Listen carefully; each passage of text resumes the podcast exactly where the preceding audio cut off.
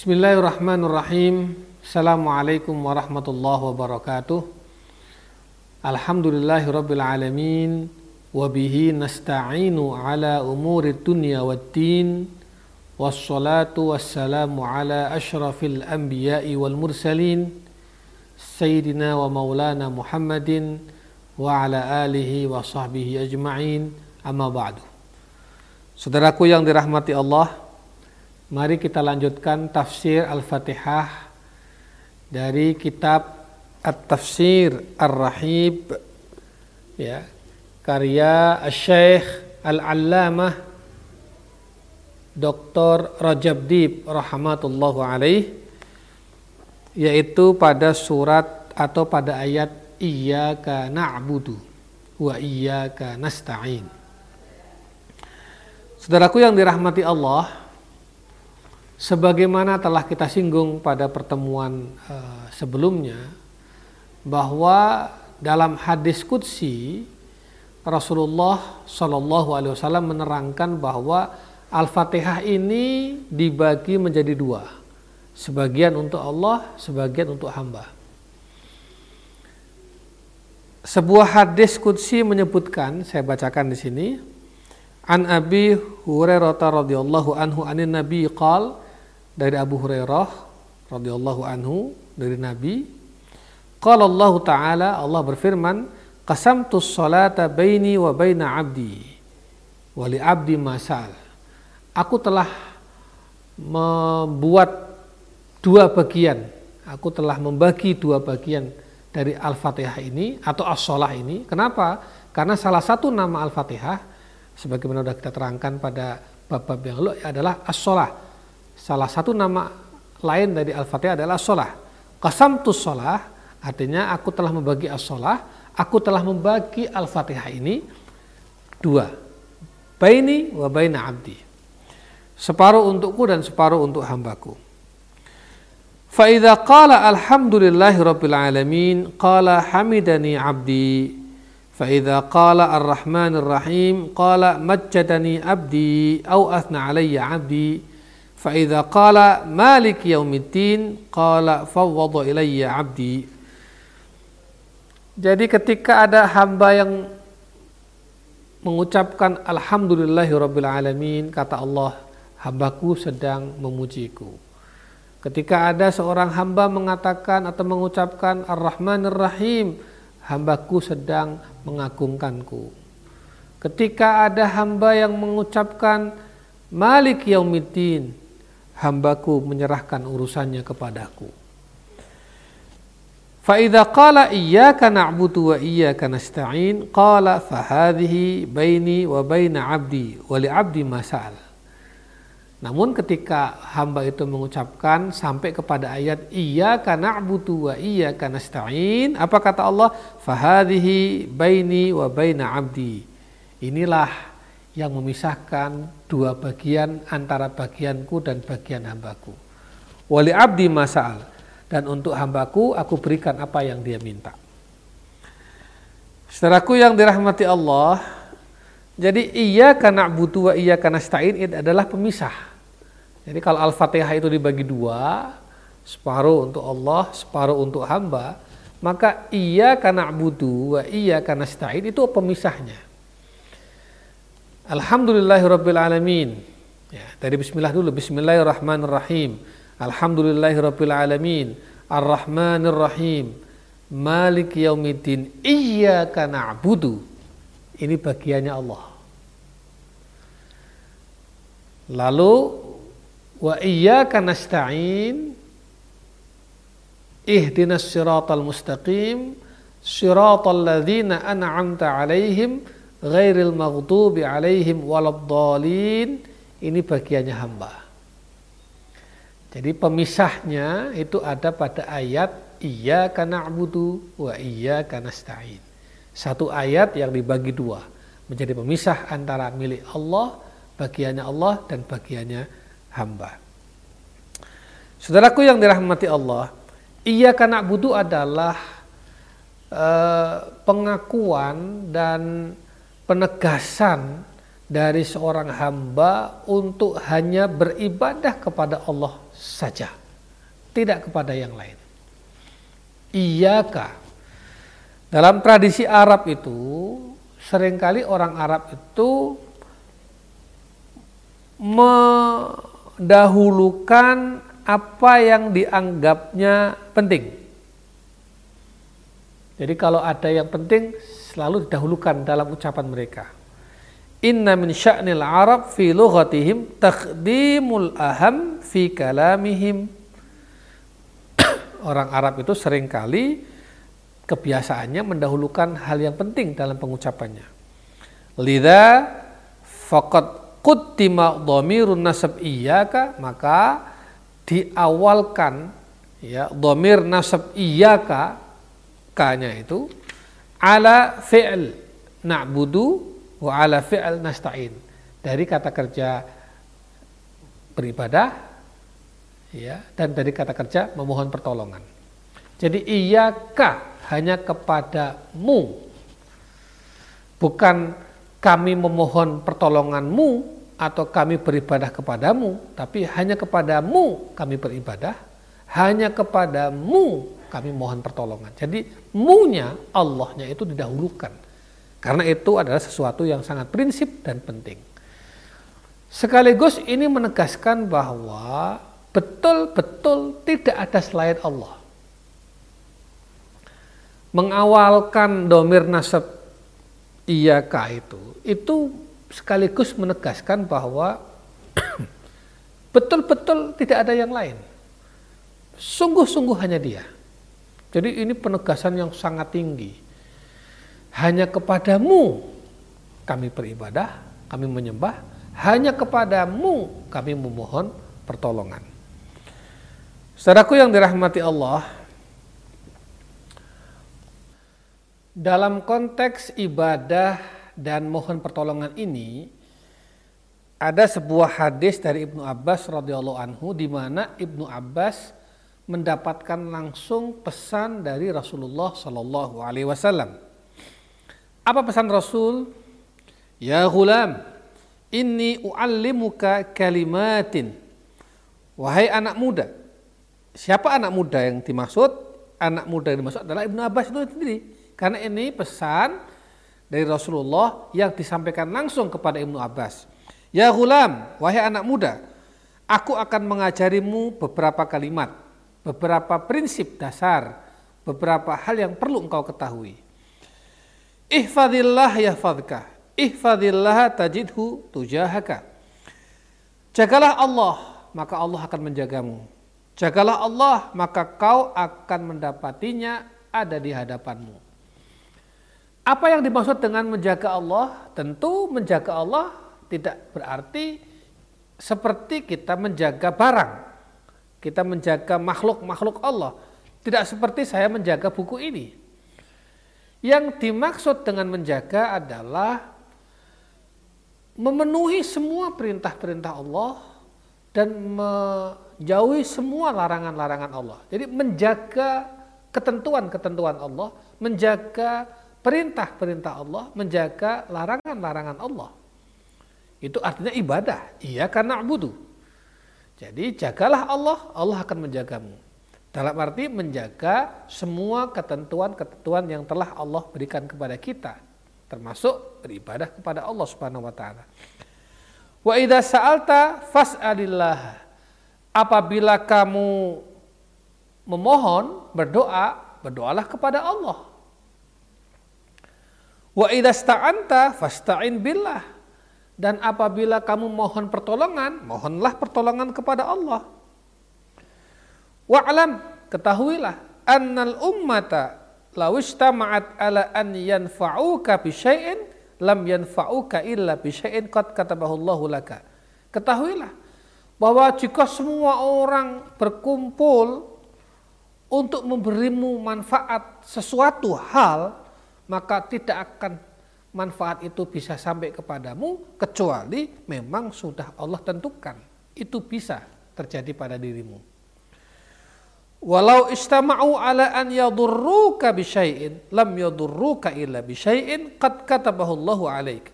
Sebaliknya, Jika semua orang berkumpul untuk membuat celaka dirimu, membahayakanmu, ketahuilah tidak ada yang berhasil membuatmu bahaya, membuatmu celaka, meskipun semua orang berkumpul, kecuali memang hal itu telah Allah tuliskan nasibnya untuk dirimu. Rufi'atil aklam, wajafat as-suhuf. Pena telah diangkat dan lembaran-lembaran telah kering. Artinya sudah takdirnya sudah selesai. Sudah nggak ada lagi perubahan-perubahan itu. Jadi itu dalam arti hadis ini menunjukkan bahwa ibadah kepada Allah memenuhi semua ketentuan-ketentuan yang telah Allah buat untuk kita, maka Allah akan menolong kita, Allah akan memberikan pertolongannya dan perlindungannya kepada kita. Iya karena butuh, iya karena stain. Saudaraku yang dirahmati Allah, Iya karena butuh. Hanya kepadamu kami menyembah. Inna sirral khalqi wa sirral kutubi samawiyati wa syara'i' wa sirral thawabi wal iqab qad intaha ila hatainil kalimatain. Sesungguhnya rahasia dari penciptaan makhluk semesta alam ini rahasia dari diturunkannya kitab-kitab samawi, rahasia diturunkannya syariat-syariat, rahasia adanya pahala dan azab, iqab, sesungguhnya semua itu bertumpu atau berpusat pada dua kalimat ini. Iya karena butuh, hanya kepadamu kami menyembah. Jadi Allah tidak menciptakan semesta ini kecuali semuanya diperintahkan oleh Allah untuk beribadah kepada Allah. Wa ma khalaqtul jinna wal insa illa liya'budun. Dan kami tidak menciptakan jin dan manusia kecuali untuk beribadah kepada Allah. Tusabbihu lahu samawati sab'u wal ardu wa man fihin. Wa im min syai'in illa yusabbihu bihamdih walakin la tafqahuna tasbihahum langit yang tujuh, tujuh lapis langit, bumi yang tujuh, tujuh lapis bumi ke bawah, dan apa yang ada di antara langit dan bumi, artinya semesta alam ini semuanya, itu sampai bertasbih, memuji Allah. Wa min syai'in illa yusabbihu bihamdi. Dan tidak ada sesuatu pun, tidak ada sesuatu pun di alam semesta ini yang tidak memuji Allah. Artinya yang tidak beribadah kepada Allah, yang tidak mengagungkan Allah. Walakin la tafqahuna tasbihahum. Hanya saja engkau semuanya kita tidak mengetahui bagaimana ibadahnya mereka dan tasbihnya mereka. Burung-burung sedang beribadah dengan cara mengepakkan sayapnya. Mungkin saja. Kicauan burung itu adalah tasbihnya. Mungkin saja. Air laut yang bergelombang beriak, itu mungkin saja tasbihnya air laut. Udara yang terus bergerak, itu tasbihnya udara. Jadi semua makhluk tidak ada yang tidak bertasbih. Bahkan semua yang ada di alam semesta ini. Iya karena butuh. Maka iya karena butuh ini menjadi rahasia utama dari semua penciptaan makhluk, semua penciptaan semesta. Dan menjadi rahasia dari diturunkannya kitab-kitab samawi, diturunkannya syariat-syariat, dan diturunkannya uh, pahala dan ikob. Saudaraku yang dirahmati oleh Allah, hatta qila anzalallahu subhanahu wa ta'ala mi'ah wa arba'ah kutub jama'at Taurat wal Injil wal Zabur Waqad jumi'at ma'anis salasah fil Qur'an al-Karim. Wa jumi'at ma'anil Qur'an fil mufassal. Wa jumi'at mufassal fil Fatihah. Wa jumi'at ma'anil Fatihah fi iyyaka na'budu wa iyyaka nasta'in. Wa huma nisfani bainallah wa 'abdihi kama sabaqa ma'na ma'ana fil hadis. Bahkan ada pendapat di kalangan ulama yang menyebutkan bahwa Allah menurunkan kurang lebih 104 kitab samawi, ya, kitab-kitab langit dan diringkas menjadi beberapa saja, Taurat, Injil, Zabur, Al-Quran. Dan kitab tiga itu, Taurat, Injil, Zabur, itu semuanya maknanya diringkas lagi dalam Al-Quran dan Al-Quran diringkas lagi dalam Al-Fatihah. Dan Al-Fatihah diringkas lagi. Intinya ada pada iya karena budu wa iya karena stain jadi inti dari semesta alam ini semua termasuk kita manusia adalah menyembah dan memohon pertolongan. Iya karena budu wa iya karena stain Saudaraku yang dirahmati Allah,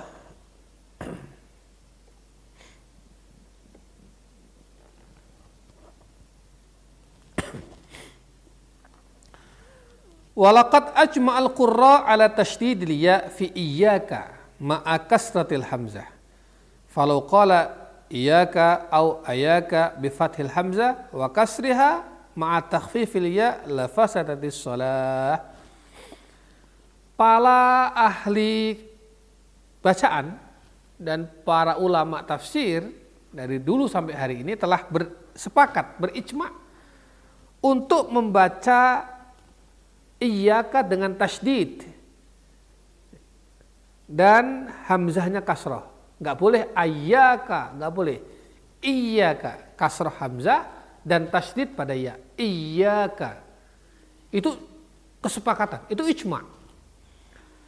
Maka apabila ada orang yang membacanya dengan iyaka tanpa tasdid atau ayaka hamzahnya fathah maka sholatnya batal. Kenapa sholatnya batal?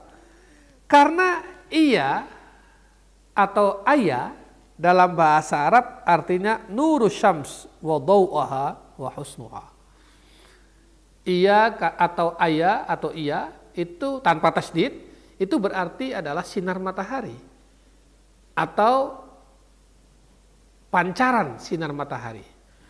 Maka kalau ada orang membaca iya karena butuh ayah karena butuh tanpa tasdid ya bacanya dengan mudah iya karena butuh maka artinya akan berubah. Nurus syamsi au syamsi na'budu. Bisa-bisa kita menyembah cahaya matahari, kita menyembah e, pancaran sinar-sinar matahari. Ya. Itu yang tidak boleh. Maka harus harus apa? Iyaka, iyaka. Iyaknya itu harus tasdid dengan e, berat. Iyaka na'budu wa iyaka nasta'in. Saudaraku yang dirahmati Allah,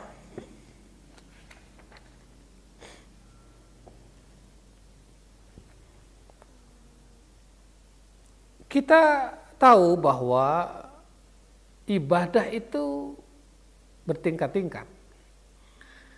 Artinya, orang dalam menjalankan ibadah pun memiliki tingkatan, tidak sama. Ada yang semangat, ada yang kurang semangat, bahkan ada yang malas. Ada yang orientasinya juga berbeda-beda. Maka di sini disebutkan bahwa dirangkum ibadah itu ada empat tingkatan. Wal ibadah arba'u darajatin li arba'ati asnaf minal bashar. Ada empat tingkatan, empat level ibadah untuk empat golongan manusia. Walikulli sinfin maqam wa maqal wa hal. Dan setiap level, setiap tingkatan itu memiliki kedudukannya sendiri-sendiri. Tingkatan pertama level pertama adalah man wajada anfa'al ibadah asyaqqaha ala nafsi wa as'abaha 'alaiha. Yaitu orang yang mendapati ibadah itu manfaatnya ada pada atau ya orang yang mendapati ibadahnya itu ada pada eh, kesusahannya dan kesulitannya. Jadi kalau yang ibadah yang paling top itu adalah yang paling sukar dan yang paling sulit. Itu level pertama. Orang menganggap ibadah seperti itu. Maka tidak jarang bahwa ada orang yang sampai enggak tidur, ya sehari semalam beribadah, puasa, terus kemudian enggak berbuka, padahal diwajibkan berbuka pada maghrib, bertapa dan lain sebagainya. Dia melihat bahwa ibadah itu seperti itu. Ini ini cara pandang atau level yang paling rendah, paling bawah. Wasin fusani level kedua, i'taqada anna afdal ibadat huwa atajarrud 'anid dunya wa zuhd bima fiha min ta'am wa syarab wa libas wa ghairi dhalika. Level kedua adalah orang yang menganggap bahwa sebaik-baik ibadah adalah melepaskan diri dari semua kesenangan dunia dan ia bertindak zuhud. Zuhud dalam arti di sini meninggalkan makanan, minuman, pakaian dan lain sebagainya. Pokoknya tidak semua, tidak mau, tidak mau dia meninggalkan semua uh, apa namanya kenikmatan-kenikmatan dunia itu. Level ini terbagi menjadi dua. Pada level ini ada dua. Pertama, ro'a anna zuhda huwal ghayah wa dhanna anna zuhda afdal minal ilm wa huwa al awam. Ya, kelompok pertama dari level ini melihat bahwa zuhud itu adalah tujuan. Dan mengira bahwa zuhud itu lebih utama daripada ilmu. Jadi tidak usah belajar, pokoknya ibadah saja. Zuhud itu lebih utama daripada ilmu. Ini adalah kelompok awam, orang-orang biasa, orang-orang awam. Kelompok kedua ya dari level tadi ra'a anna zuhda maksud li ghairihi la li dhatihi wa anna al maqsud i'tikaful qalbi 'ala Allah wa jama' wa jam'al qalbu 'alaihi ma ittiba'i syar'i zahir wa batinan ay yazhadu li alla yushkil al qalbu bi kelompok kedua melihat bahwa Zuhud di sini adalah mengkhususkan, memfokuskan diri untuk Allah dan bukan yang lainnya. Ya. Dan mereka berusaha agar hatinya itu tidak tidak berpaling ke selain Allah. Ya Allah saja. Tidak mau diganggu dengan uh, orientasi dan keinginan-keinginan kepada hal-hal yang lain kecuali Allah. Ini dibagi dua lagi Pertama, ashabut tariqil awal. Jalan pertama adalah tarakus syara' wal ibadah wa asqatu ala anfusihim al ibadah wa takalif asyariyah wa hum zanadiqatul ammah. Pertama, mereka meninggalkan syariat, meninggalkan ibadah, meninggalkan semuanya. Ketentuan-ketentuan syariat ditinggalkan semuanya. Ini zindik.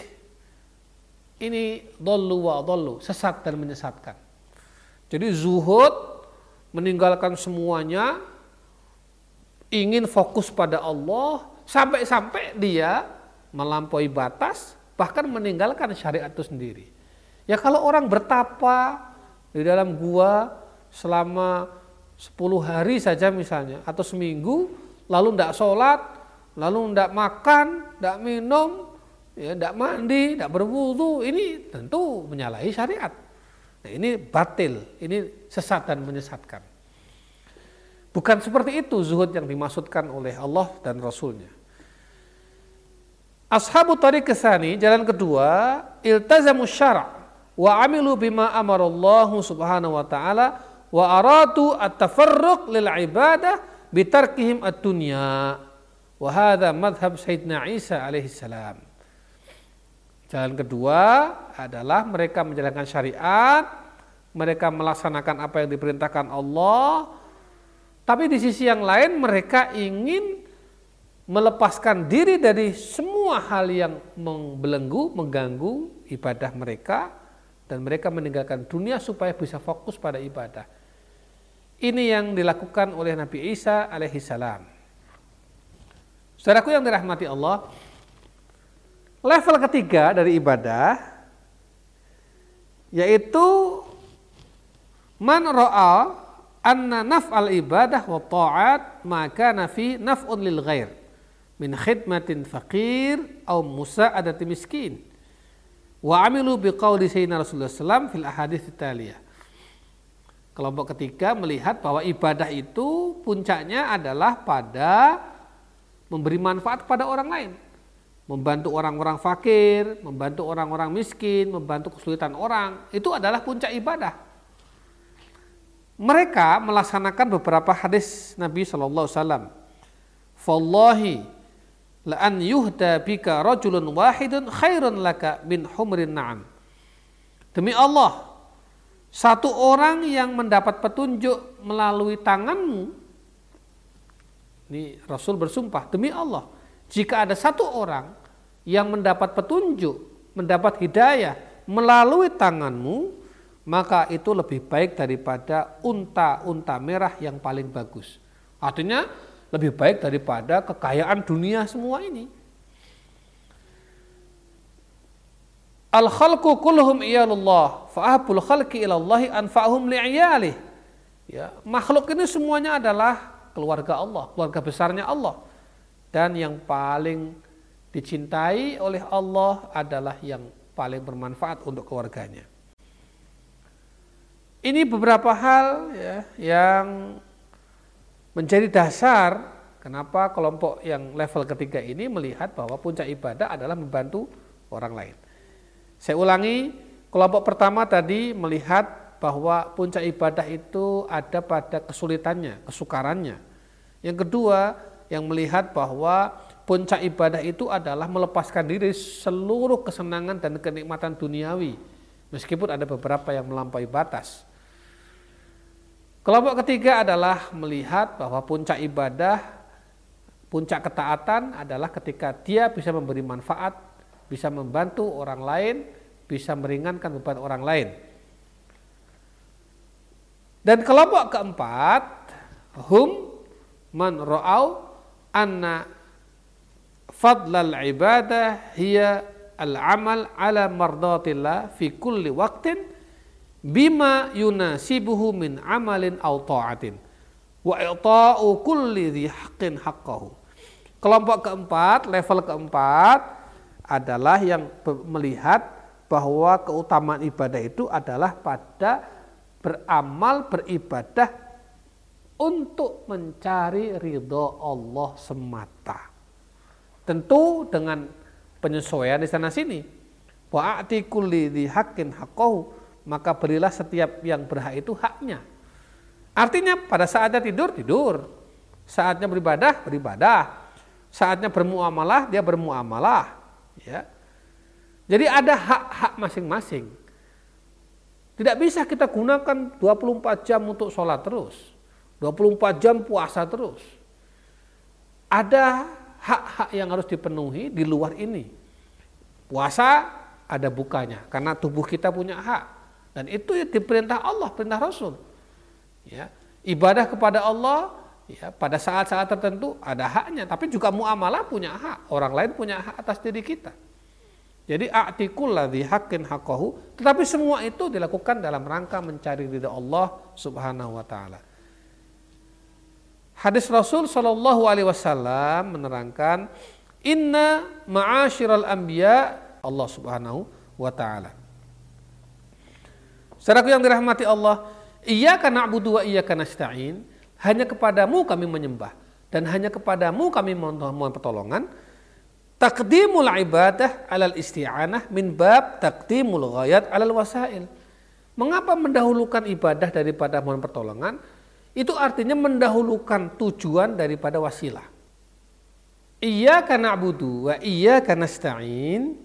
Ya. Hanya kepadamu kami menyembah dan hanya kepadamu kami mohon pertolongan. Takdimul ibadah alal isti'anah min bab takdimil ghayat alal wasail. Mendahulukan ibadah dari mohon pertolongan, iya karena butuh didahulukan daripada iya karena stain. Itu artinya mendahulukan tujuan daripada sarana. Tujuan daripada wasilah. Ibadah itu tujuan. Mohon pertolongan adalah wasilah. Jadi kalau kita memohon kepada Allah agar Allah memberi kita kesehatan, itu wasilah. Kesehatan itu wasilah untuk kita beribadah kepada Allah. Jika kita memohon kepada Allah agar Allah memberi kita rizki yang luas, maka itu wasilah. Wasilah melalui rizki yang diberikan Allah, kita beribadah kepada Allah. Jika kita mohon kepada Allah, Rabbi zidni ilma, karuniakanlah, tambahkanlah ilmu, wawasan, pengetahuan, itu wasilah supaya ilmu itu menjadi jalan kita untuk menuju kepada tujuan. Apa? Ibadah kepada Allah. Jadi iya karena butuh itu tujuan, wa iya karena stain adalah sarana untuk mencapai tujuan itu. Fal ibadah ghayatun wal isti'anah wasilatun. Wal ibadah talabun lahu wal isti'anah talabun minhu. Ya, Ibadah itu Allah meminta dari kita, sedangkan al-isti'anah kita meminta dari Allah. Wal ibadah la takunu illa min mukhlis, wal isti'anah takunu min mukhlis wa ghairihi. Ibadah harus dilakukan dengan ikhlas. Kalau nggak ikhlas ya tidak diterima oleh Allah. Wal isti'anah takunu min mukhlis wa ghairihi. Sementara mohon pertolongan bisa jadi dilakukan oleh orang yang ikhlas atau orang yang tak ikhlas. Wal ibadah haqquhu alladhi aujabahu alaik. Ibadah itu haknya Allah yang Allah wajibkan atas dirimu, atas kita semuanya. Wal ibadah syukru ni'matihi alaik. Ibadah adalah mensyukuri nikmat-nikmat Allah atas kita. Wal i'anah taufik laka minhu maltazamat bi syar'ihi. Sementara pertolongan Allah itu adalah pemberian Allah, taufik Allah yang Allah berikan kepada kita karena kita telah menjalankan semua yang Allah perintahkan itu. Saudaraku yang dirahmati Allah, iya karena butuh wa iya karena stain, ya. Ini menjadi sangat prinsip satu ayat yang dibagi dua. Iya karena butuh miliknya Allah, wa iya karena stain miliknya hamba. Ini haknya Allah, ini haknya hamba. Iya karena butuh kita menjalankan kewajiban memenuhi haknya Allah. Wa iya karena stain Allah memberikan pertolongan, memberikan rizki, memberikan karunia kepada kita itu menjadi haknya hamba yang Allah lakukan untuk kita semuanya.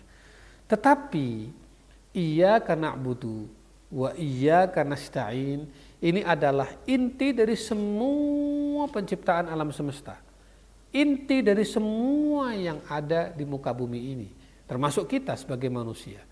Ibadah mohon pertolongan. Tapi ingat bahwa pertolongan itu adalah wasilah, sarana. Ibadah adalah tujuan. Jangan sampai terbalik. Orang meminta kesehatan, minta pertolongan Allah agar disehatkan badannya, agar diluaskan rizkinya, agar diberi tambahan ilmu, pengetahuan dan wawasan, itu wasilah tetapi tidak ia gunakan dalam rangka untuk mendekatkan diri dan beribadah kepada Allah. Itu yang celaka. Maka isti'anah mohon pertolongan kepada Allah dan Allah memberi kita pertolongan semakin Allah memberi kita nikmat Allah memberi kita pertolongan maka itu semua harus semakin meningkatkan ibadah kita kepada Allah dan itulah hakikat syukur dan itulah alhamdulillahirabbil alamin yang sudah kita bahas di bab-bab yang pertama tadi.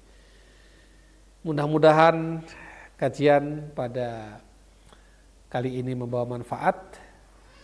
Sekali lagi terima kasih dan kita akan lanjutkan pada episode berikutnya ihdinas siratal mustaqim siratal ladzina an'amta alaihim ghairil maghdubi alaihim waladdallin. Insyaallah kita berjumpa lagi pada episode yang akan datang. Aku qali hadza. Assalamualaikum warahmatullahi wabarakatuh.